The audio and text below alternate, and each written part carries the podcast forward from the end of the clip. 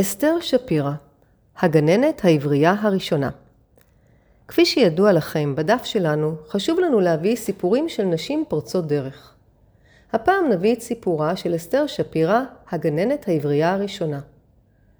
אסתר הובילה את המהפכה הגדולה של החייאת השפה העברית באמצעות הפעוטות. תתארו לעצמכם את הסיטואציה. שנת 1898, לפני 125 שנה. מדינת ישראל עוד לא קיימת, והשפות המדוברות בה היו יידיש, לדינו, רוסית, אבל עברית?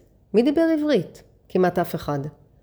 ורק המשוגע לדבר, אליעזר בן יהודה, התחיל בכל המפעל של החייאת השפה העברית. אבל תכלס, איך מטמיעים שפה בחיי היומיום? זה הסיפור שלנו על אסתר שפירא.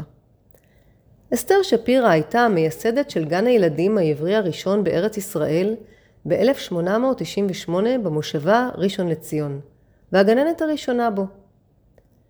אסתר נולדה בשנת 1881 בוורנו שברוסיה, בת זקונים במשפחה בת שלוש בנות. בשנות ה-90 של המאה ה-19 עלתה המשפחה שלה לארץ למושבה ראשון לציון. הגן נפתח בעולם קומת הקרקע של בית, בית הכנסת הגדול בעיר. מילים כמו קובייה, כדור ושירים כמו אוגה אוגה לא היו קיימים, על אף שנראה לנו כאילו היו בעולמנו מאז ומעולם. בשנה הראשונה נרשמו לגן 30 ילדים וילדות.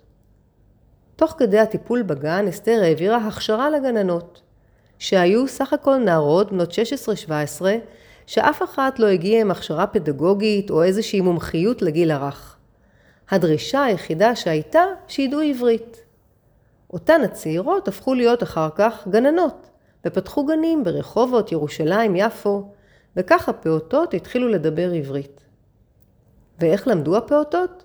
לפי השיטה של הפדגוג המפורסם פרידריך פרבל. שיטה בה הילד לומד מתוך סקרנות טבעית על ידי פעילות עצמאית שמבוססת על התנסויות, תוך הבעה עצמית, ספונטניות, משחק ויוזמות חופשיות. הגננות התמודדו אז עם דילמה שכיום נשמעת ממש מוזרה. מאין הם ייקחו מילים ומושגים? מתברר שהם העבירו בקשות לוועד הלשון העברית לתרגם מילים, וכך נוצרו מילים שהיום שגורות בפינו. קובייה, כדור, גליל, גזירה ועוד מילים.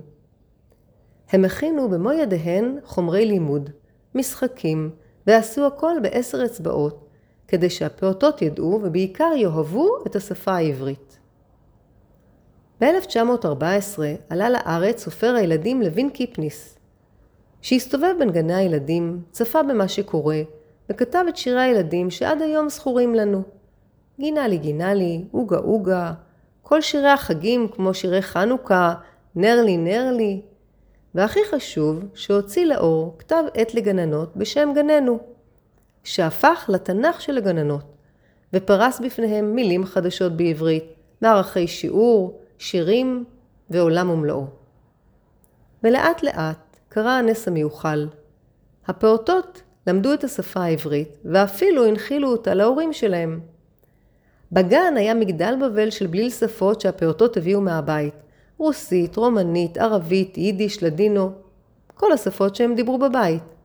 וכשהם חזרו מהגן הביתה הם דיברו בעברית.